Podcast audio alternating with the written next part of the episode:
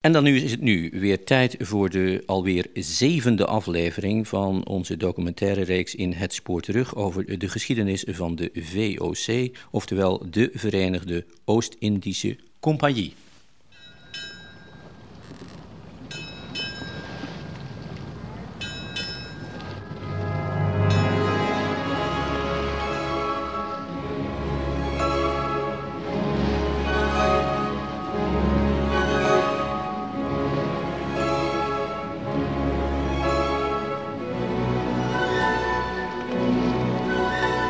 De loffelijke compagnie. De dominees.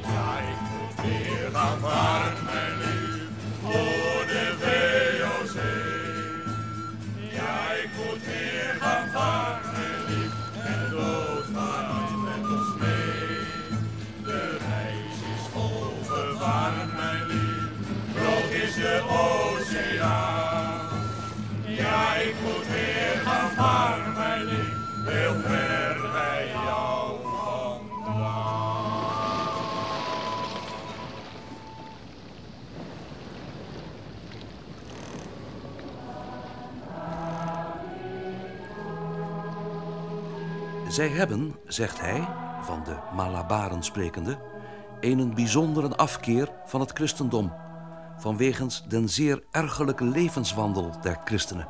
Alzo dat zij oordelen geen bozer volk dan de christenen op de wereld te kunnen aantreffen. Van hier hun vraag of dezelfde in Europa een even boos leven leiden als in de Oost-Indië.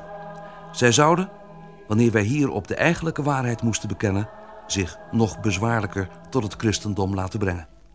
Al dus citeert VOC-dienaar en wereldreiziger Jacob Hafner in zijn in 1807 verschenen boek over het nut der zendelingen en zendelingsgenootschappen de Deense dominee Bartholomeus Ziegenbalk.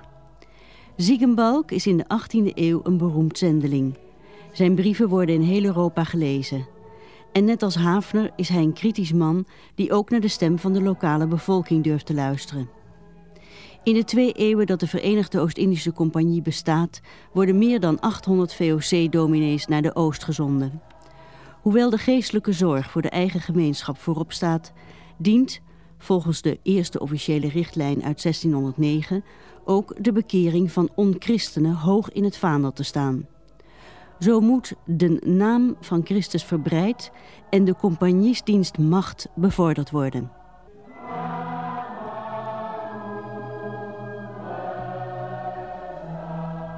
Al voor deze officiële opdracht zijn de compagniesdominees op de Molukken neergestreken. Bij hun aankomst treffen ze christenen aan, de door de Portugezen bekeerde katholieken. Op 27 februari 1605 vindt op Ambon de eerste protestantse doop plaats.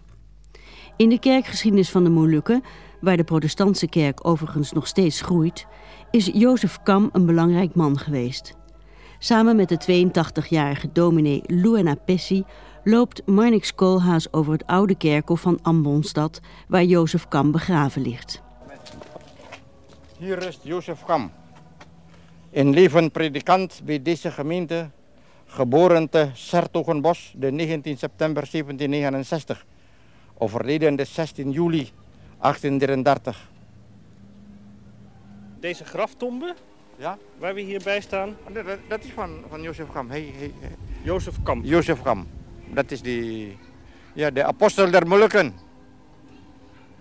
Waarom wordt hij de apostel Want der Molukken? Hij heeft veel gedaan voor de, voor de, door zijn werk heeft, heeft hij de, in eh, de christelijke gemeente weer herleefd. Hè? Hoe is het protestantisme hier precies terechtgekomen? Wat wist u van? Steven van der Haag? Steven van der Hagen. Dus eh, met de komst van Steven van der Hagen, en toen begint de protestantisme hier in de Molukken. niet, Ja? Eh, toen de protestanten hier komen, of de, de, de VOC hier komen, ze- de missen zijn al itu katholieken niet. hè. Eh, Itu ze gaan over allemaal over naar de protestanten hoor. Allemaal itu. Dus van de katholieken gaan ze helemaal over naar de protestanten. Maar daar hebben ze wel een beetje druk op uitgeoefend. Natuurlijk door de itu VOC itu ya. Eh, ik wil zeggen dat de Molukse kerk heeft veel gedaan in de, aan de pendidikan itu, opvoeding, schoolopvoeding in de Molukken, de protestantse kerk itu. Um, bijna itu, al die eilanden daar, in de Molukken itu, de leiding van de kerk heeft daar de, de gurus haar geplaatst. Overal in de Molukken itu. De onderwijzers. De onderwijzers itu. En oh, de Nederlands-Indische regering niet itu. Alleen de, de, de protestantse kerk. Overal, overal.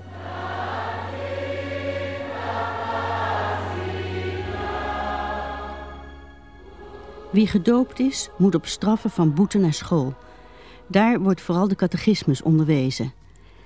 En als de VOC-dominees hun macht stevig gevestigd zien, zoals op Ceylon en in de Indonesische archipel, stichten zij seminaries waar inheemse hulppredikanten worden opgeleid. Toch is de arbeid moeizaam, getuige een fragment van geschiedschrijver en dominee François Valentijn.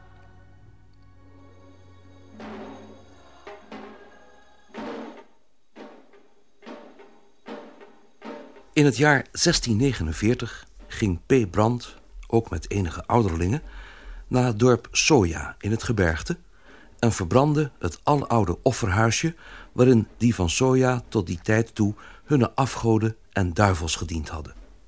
Ook kapte hij het bamboesbos daaromtrent, almede tot die dienst gediend hebbende, om en nam de beroemde Montavaan of grote verglaasde waterpot weg, van welke zij geloofde dat als Ratja Soja met een van die bamboeshoutjes daar maar eens in roerde, nadat hij een witte haan aan zijn god geofferd had, er dan aanstonds sterke regen op volgde. Dienende dit alweder tot een klaar bewijs hoe slecht het nu, na bijna een halve eeuw arbeidens, nog met deze Ambonse naamchristenen, die nog volslagen heidenen waren, stond. Een zaak waarover men zich niet te verwonderen heeft, alzo in zo grote oogst tot nog toe te weinig arbeiders gebruikt waren. In de op de Portugezen veroverde gebieden treft de compagnie veel katholieke bekeerlingen aan. Die worden volgens historicus Jur van Goor als potentieel gevaar beschouwd.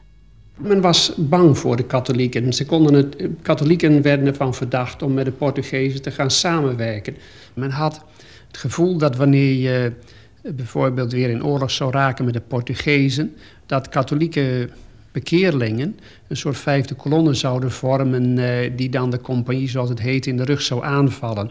En daarom was het nodig dat je de bevolking eh, tot het protestantisme overbracht. Het was politieke noodzaak. Een eufemisme? Uh, het, er, is, komt een, er is sprake van een zekere mate van overheidsdwang. Men verbood aan de priesters van de Portugezen om daar verder te komen. Godsdienst was dus een onderdeel van een politieke relatie. Daarom ook dat men ten opzichte van het hindoeïsme en boeddhisme veel gematigder stond. Het waren erkende godsdiensten en men deed weinig moeite om eh, mensen tot, van, hindoes, uh, van hindoeïsme of boeddhisme te bekeren tot christendom. Maar, Zo, wat gebeurde er met de moslimnaties die ze tegenkwamen? Uh, in het algemeen heeft men die, laat ik zeggen, uh, aan zichzelf... wanneer men ergens kwam, bijvoorbeeld internaten in het begin van de 17e eeuw... dan sluit men over. Ja, dat is in Indonesië. Dan sluit men overeenkomsten. En uh, daarbij wordt bepaald dat men de onderdanen van elkaar niet mag bekeren. He, men laat de Mohammedanen dus met rust. Dat wil niet zeggen dat men soms uh, helemaal verrukt was van, het Mohammed, van de islam. Dat, bijvoorbeeld er is een verhaal zo uit 1620 dat er een een of andere Nederlander tegen een moskee staat te pissen. En voor zover ik weet is dat het enige voorbeeld van dit soort gedrag. Althans, dat op papier staat.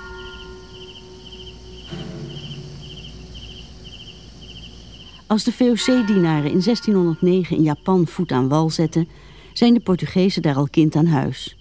Zozeer zelfs dat de shogun, de hoogste heerser van Japan, hen toestaat met eigen jezuïetenpriesters bekeerlingen te maken. De shogun verbiedt het katholieke geloof als hij doorkrijgt dat de macht van de paus hoger wordt geacht dan welke wereldlijke macht dan ook. Een ware slachting onder hen die het katholieke geloof niet willen opgeven is het gevolg.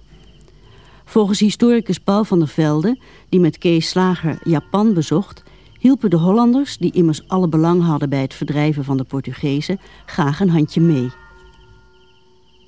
Er waren een aantal uh, daimyo's die tot het, uh, tot het katholieke geloof waren overgegaan onder invloed van Jezuïeten. Daimyo's, dat zijn regionale grootheden. ja, regionale vorsten zou je het kunnen noemen. Ja. En die hadden dus in de loop der tijd dat is een redelijke invloed vanaf, zeg, vanaf 1550 tot 1600. Dat is een, een, een redelijke invloed gekregen op, op de politiek van Japan. Ja.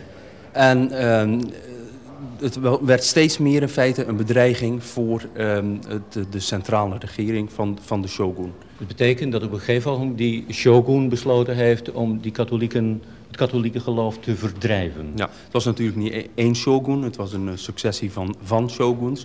Maar uiteindelijk werd het steeds duidelijker vanaf 1600 dat, uh, dat hij, of dat de, het shogunaat een einde wilde maken aan uh, de missie in uh, Japan. We staan hier in het kasteel van uh, Shimabara. En dat ligt uh, in het zuiden, eigenlijk vrij dicht bij Nagasaki. Hè? Ja. En hier waren behoorlijk wat katholieken, heb ik begrepen. Kwamen in opstand. En de Hollanders die hielpen. We staan hier recht voor een schilderij met een Nederlands schip erop. Met bulderende kanonnen in de richting van het kasteel waarin we ons nu bevinden.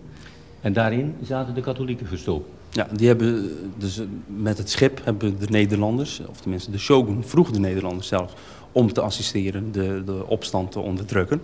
En dat hebben de Nederlanders ook gedaan.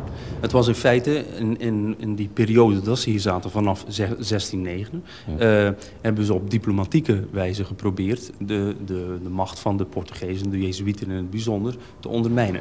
En dat is dan ook aardig afgegaan. In 1624 zijn alle Spanjaarden eruit uh, gezet. En in 1639, dus een jaar na die opstand in Simabara, zijn de Portugezen definitief uit, uh, uit Japan verbannen. Eigenlijk werd de 80-jarige oorlog hier op de eigen manier doorgezet. Gewoon de strijd van protestant tegen katholiek. Ja, en dat impliceerde dan wel dat de, de Nederlanders hier geen dominees meer naartoe, mee naartoe namen. Het was, het was duidelijk dat, dat de shogun daar niet op zat te wachten. En bovendien uh, uh, was binnen uh, de VOC er ook duidelijk verschil van meningen over... Of, of er nou inderdaad telkens dominees meegenomen moesten worden, ja dan nee.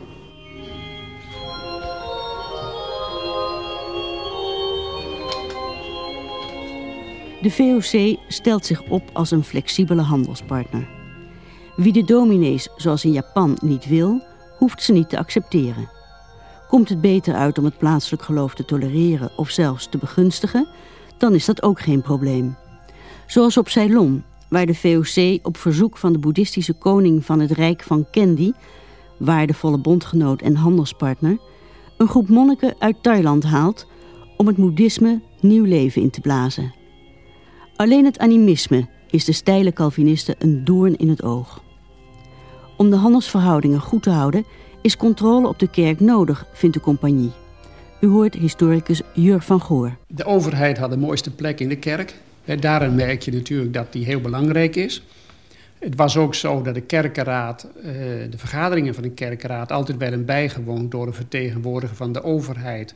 Dat noem je de politieke commissaris die daar een eigen tafeltje had met een kleed eroverheen, een groen kleed geloof ik, als teken van zijn waardigheid. Maar waarom was dat? En dat was om toe te zien dat de dominees geen uh, verkeerde dingen zouden bedenken. En ook een ander punt uh, waaruit blijkt dat de kerk uh, onder het gezag van de overheid stond, is ook dat zij hun correspondentie altijd open moesten aanbieden. En die werd dan pas door de compagnie, werd die, door de compagniesdienaren, werd die gesloten. En dat betekende ook dat zij niet konden klagen zonder dat het bekend was in, uh, bij de overheid te plaatsen. Het aardige is dat er natuurlijk wel dominees zijn geweest nu en dan... die op, geprobeerd hebben om een eigen geluid te laten horen... zich verzet hebben tegen de overheid. En dat is midden van de 17e eeuw in Batavia wel gebeurd. Want het was namelijk zo dat de overheid nu en dan bepaalt... dat er een dankdienst of een bidstonde moest worden gehouden voor de overheid. De VOC? De VOC, ja, VOC ja. ja. In Batavia had dit uh, geordoneerd aan de kerkenraad... naar aanleiding van een uh, oorlog die men op Ambon toen voerde. Alleen de kerkenraad was vermeend dat die oorlog onrechtvaardig was, niet gerechtvaardigd was. En die verzette zich tegen het uitroepen van een bededag. Maar daarmee... Want dan moesten ze bidden over hoe dankbaar men aan God was... dat ze weer een eiland erbij hadden veroverd. Ja, ja daar komt het op neer. En op dat ogenblik... Uh, toen de dominees dus wat weigerachtig waren of dwars lagen, heeft de overheid hun duidelijk op de vingers getikt en gezegd: wij zijn de overheid. Het is dus in tegenstelling tot in de republiek, waar de predikanten een zekere mate van ruimte hebben, eh, ten opzichte van de overheid, staan zij in, eh, onder de VOC duidelijk onder het gezag van de overheid. Die bepaalt ook waar zij geplaatst worden, die betaalt hun salaris. En die kan ook in bepaalde gevallen uh, uitspreken wat zij niet wil horen. Ook dominees die niet tegen de overheid, maar juist tegen lokale gebruiken tekeer gaan, zijn niet bevorderlijk voor het zaken doen. Een voorbeeld daarvan is dominee Ruterus, die in India terechtkomt. Hij wordt geconfronteerd met de Devadashi, de tempelprostituees die dansen voor de VOC-kooplieden. Hij klaagt bij de VOC-leiding. De leiding van de VOC vindt dat de dominee buiten zijn boekje gaat. Hij heeft zich niet te bemoeien met dit soort zaken. Je moet als je handel drijft je aanpassen aan de praktijken te plaatsen. Je kunt moeilijk een Calvinistische code opleggen in een land waar men heel anders denkt. En, daarom, en bovendien, kennelijk, eh, wat je ook begrijpt uit die verhalen, is dat Nederlanders geen moeite mee hadden om inderdaad deze dansresten te laten optreden. En want die kwamen tot aan de deur van de kerk bij huwelijken van Nederlanders. En daar stonden die drummers en uh, ja, een soort die schalmei, geloof ik, noem je dat, zo'n apparaat. Die stonden dan voor de deur te spelen. En dat was ook iets waar de dominee niet aanstond. Daar wierd gebrast, gedobbeld en gekaart, althans overdag. Des nachts wierden voor hen de balletten van den duivels dienaren en de pagoodshoeren voor hen te laten dansen. Met bijzondere heidense ijdelheden, zeldzame sprongen en de andere vervloekte gruwelen haar beter bekend als ons. Des zondags daarop zaten ze in de kerk, met haar postuur en de gelaat genoegzaam betonende dat men de dag aan de nacht en de, nacht aan den dag geknoopt hadden. Komt hierbij nog een verfoeilijke zonde, dat zij zich op de dag des Heren achtermiddags onder de godsdienst verstouterd hebben, duivelsdienaren met hare heidense tamme lijven en de horens die voor des Satans pagoden gebruikt werden, over de dorpel van onze godshuis te laten. En de nauwelijks der zegen der kerken afwachtende, zich daarvan onder ijselijk geraas naar het bruidshuis van de kapitein Peil laten geleiden.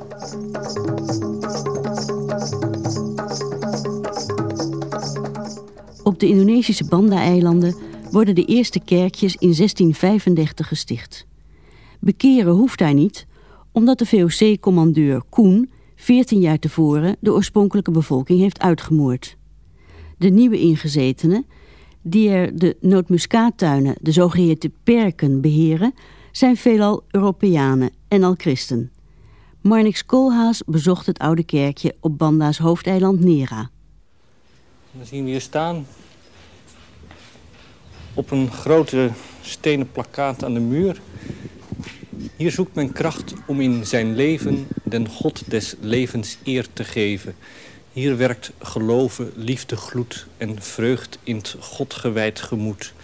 De waarheid reinigt hier van zonden, de hoop geneest hier zielenwonden. Treed, sterveling, dan met ernst en zin de deuren van dit godshuis in. Ja, de vroomheid kende geen grenzen, ook toen al.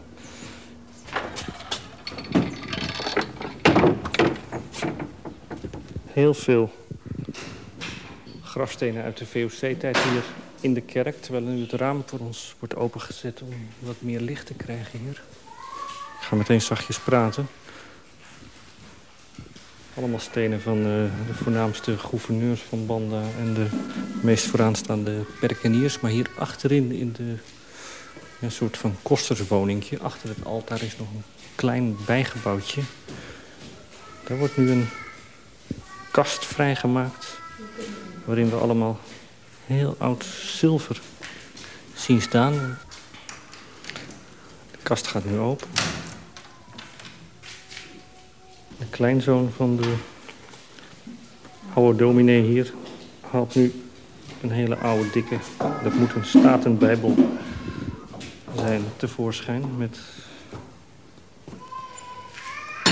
koperen sluiting.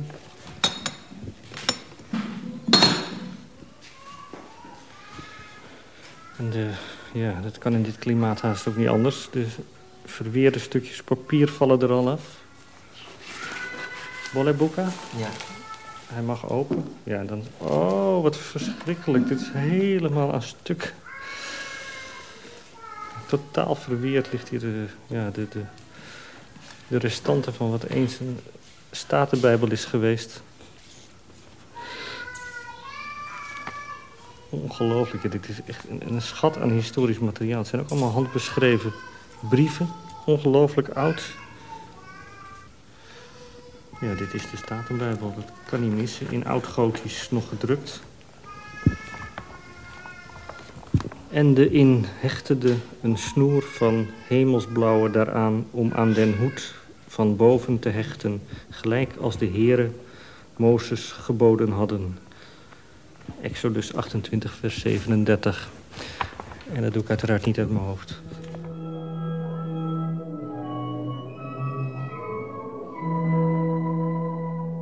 De sobere attributen van de protestantse eredienst zijn niet krachtig genoeg om de eigen inheemse godsdienst te verdringen. Regelmatig worden offerplaatsen en afgodsbeelden ontdekt.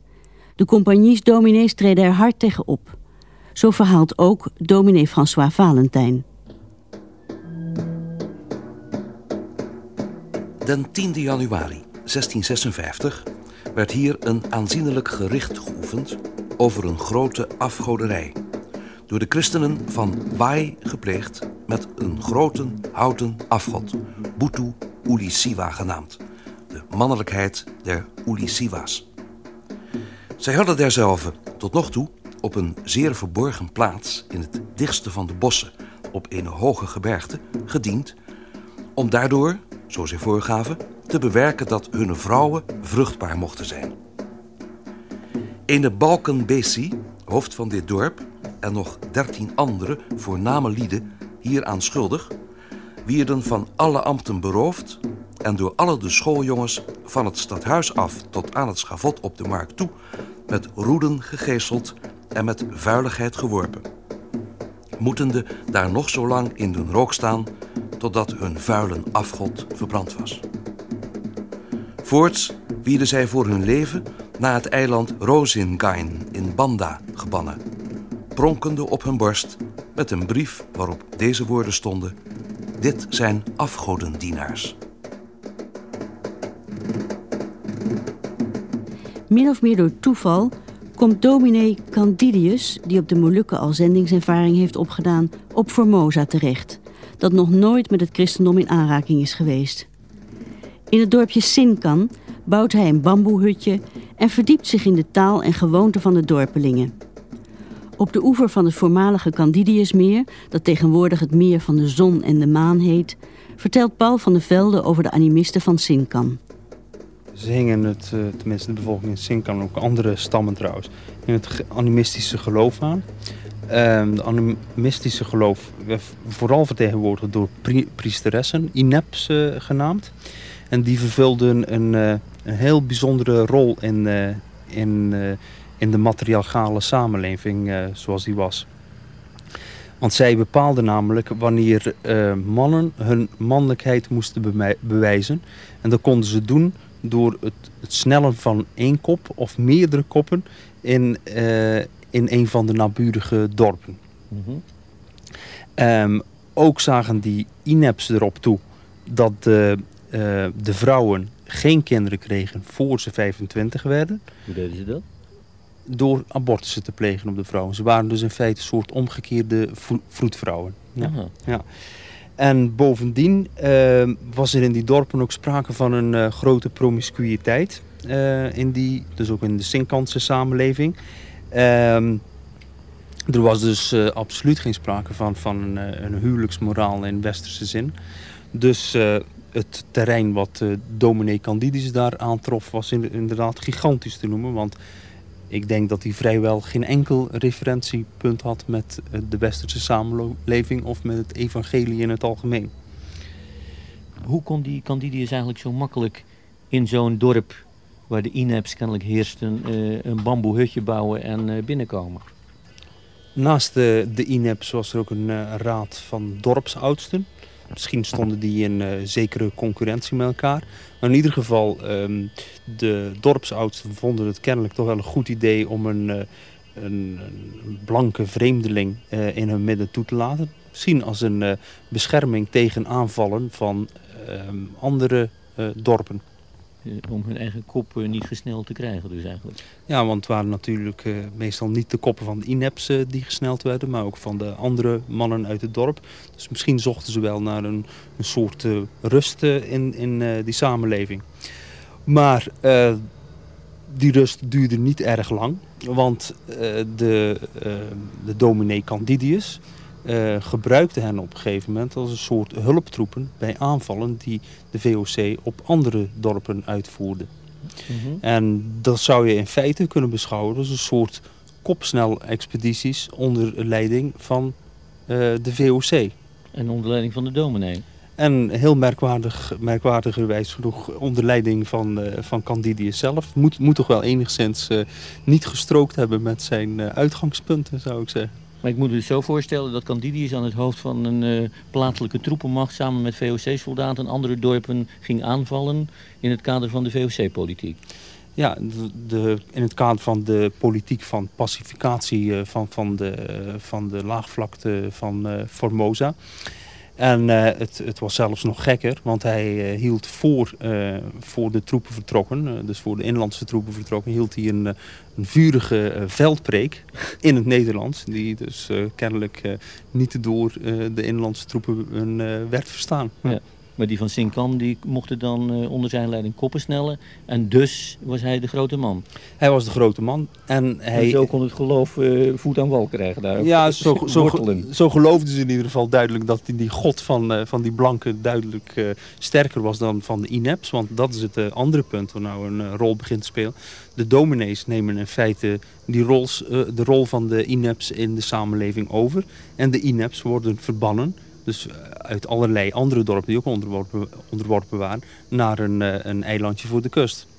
En uh, zij vervulden dus in feite een, een rol in het, uh, in het onderwijs, mhm. in, in de rechtspraak en ook in de belastinginning. Uh, in feite waren ze bestuursambtenaren van de VOC, zou je ze kunnen noemen. Een vrij unieke, unieke figuur in de geschiedenis van de VOC, waar dit nooit meer zou plaatsvinden.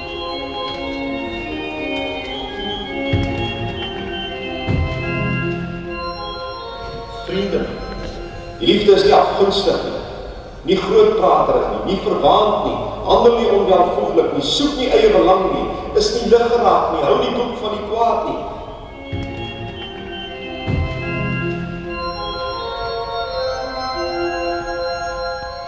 Zondag den 22e was het lief aangenaam weer, daar wij zeer wel mede in ons schik waren zouden niet graag ons kerk gaan, waar wij zo lang hadden verstoken geweest, hebben verzuimd.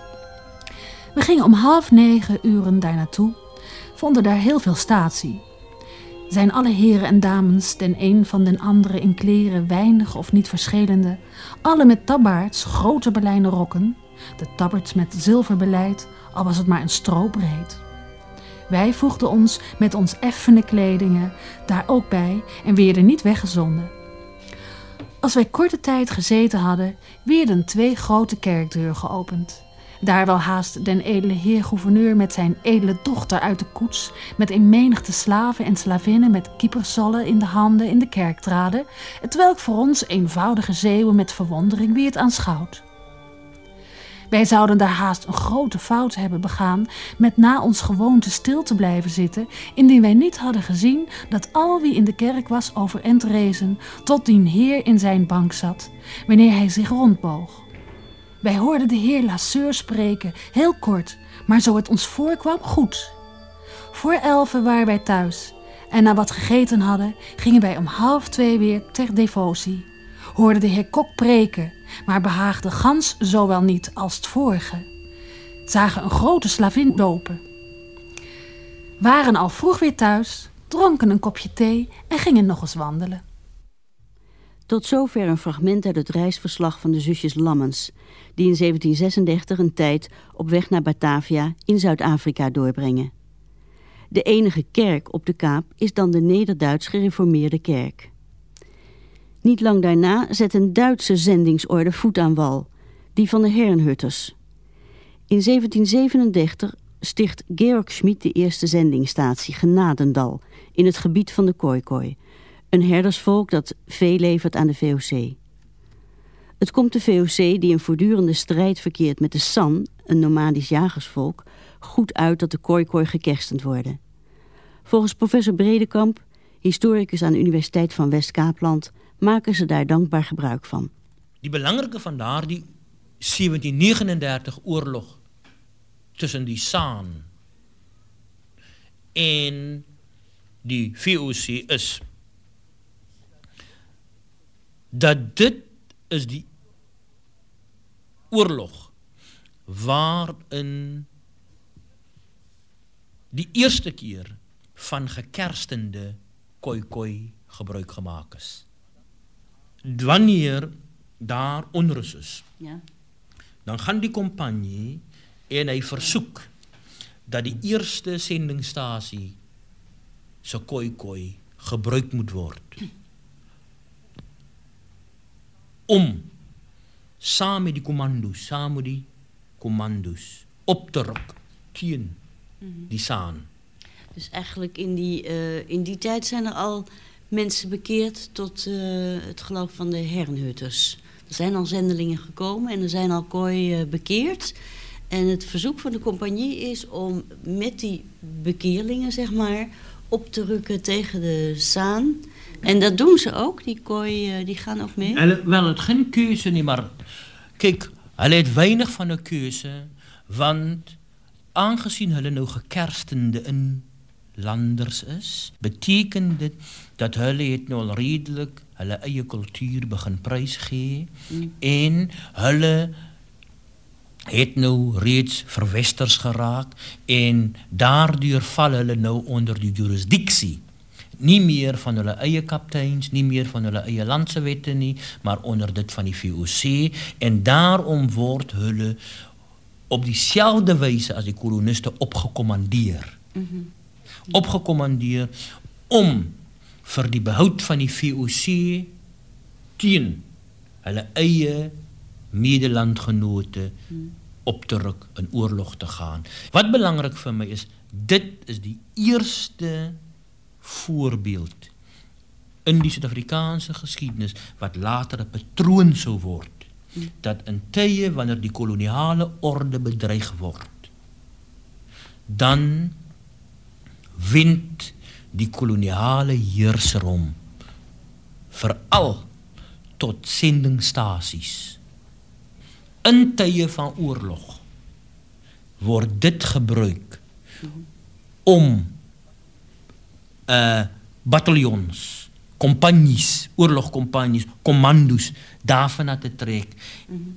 Sodat en dis die punt wat ek probeer maak is dat jou sendingstasie, jou sendingplaats raak in die koloniale geskiedenis van die VOC maar ook van die Britse bewind 'n belangrike bron van waar soldaten, inheemse soldaten gewerf kan worden, mm -hmm. getrek kan worden om die koloniale orde in stand te houden.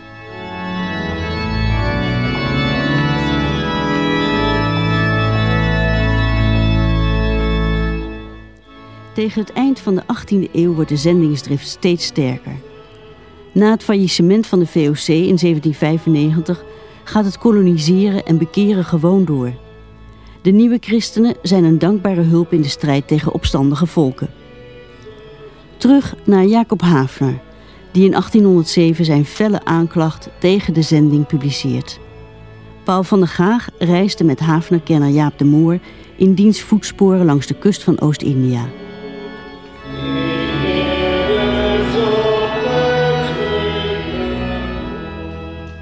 Wat was Hafners kritiek nou precies op die zending?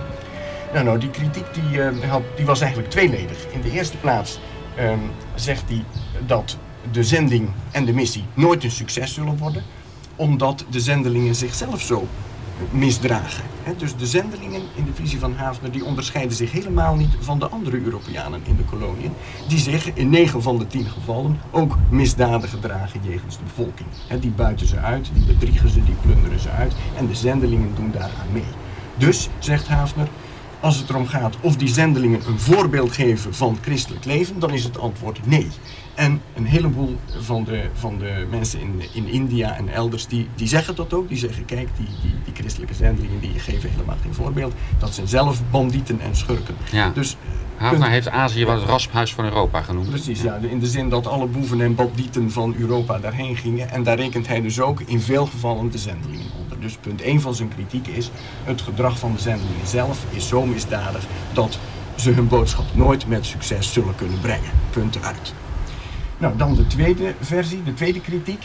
Die is dat die volken zelf al een religie hebben die voldoet daar is Haafner heel nuchter in. Hij wijst op uh, de inheemse religies uh, van de, de Hottentotten en de bewoners van India en uh, overal ter wereld hebben die volken al een religie. En daar hechten ze erg aan. Ze zijn behoudend, zegt Haafner. Ze willen graag vasthouden aan hun gebruiken en tradities en ook aan hun religie. En ja, ze hebben dus in feite helemaal geen behoefte aan de religie van iemand anders. En nog sterker drukt hij dat dan uit door een motto van Voltaire te gebruiken. Waarin Voltaire zegt, het is moeilijk een god te dienen, maar het is nog veel moeilijker te houden van de god van je tirannen. Mhm. En daarmee drukt Haafner dus de zending en missie in de koloniale situatie uit. In één woord, de rampen die de christenen door hun wreveligen en woedende religiehaat niet alleen over deze nieuw ontdekte landen, maar over gans Europa hebben gebracht, zijn ontelbaar. Onder de schijn van hun godsdienst te handhaven of te verbreiden, begingen zij de snoodste euveldaden. Onder dien dekmantel wierden alle misdaden voor wettig verklaard. De hoogste trap van boosheid noemde men het toppunt van deugd. Men maakte heiligen en martelaren van de zulke... welke de wereldlijke rechter met een pijnlijkste dood had behoren te straffen. De afschuwelijkste godloosheden wierden goedgekeurd, ja geheiligd. Zo haast zij het belang der kerken ten doele hadden... en haar uitbreiding of macht konden bevorderen.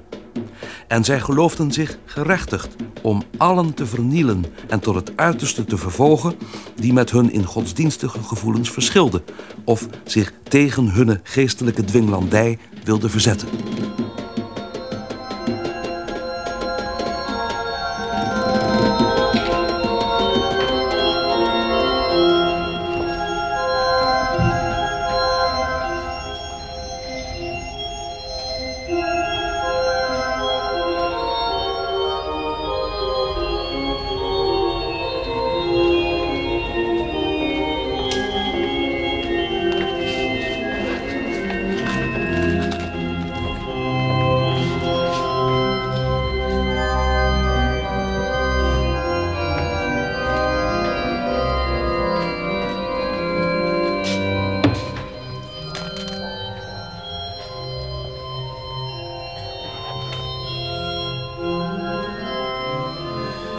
En zo eindigt dan de zevende aflevering van onze serie De Loffelijke Compagnie. Volgende week besteden we aandacht aan minder kwade zaken die de VOC in Azië introduceerde. Zoals de verrekijker, de sextant, de techniek van het kanaalgraven en andere positieve zaken. En wilt u van deze aflevering een cassette hebben, dan moet u 10 gulden overmaken op Giro 444600 van de VPRO. En daarbij vermelden het spoor terug VOC deel 7. Maar de complete serie van in niet minder dan 14 afleveringen, die kost maar 60 gulden. En die moet u dan ook overmaken op datzelfde Giro-nummer 444600. En daarbij vermelden het spoor terug, serie VOC. En dan krijgt u dan ook nog een cassette bij met VOC-liederen van het koor Dwars Getuigd. De serie kwam overigens tot stand met steun van het Stimuleringsfonds Culturele Omroepproducties.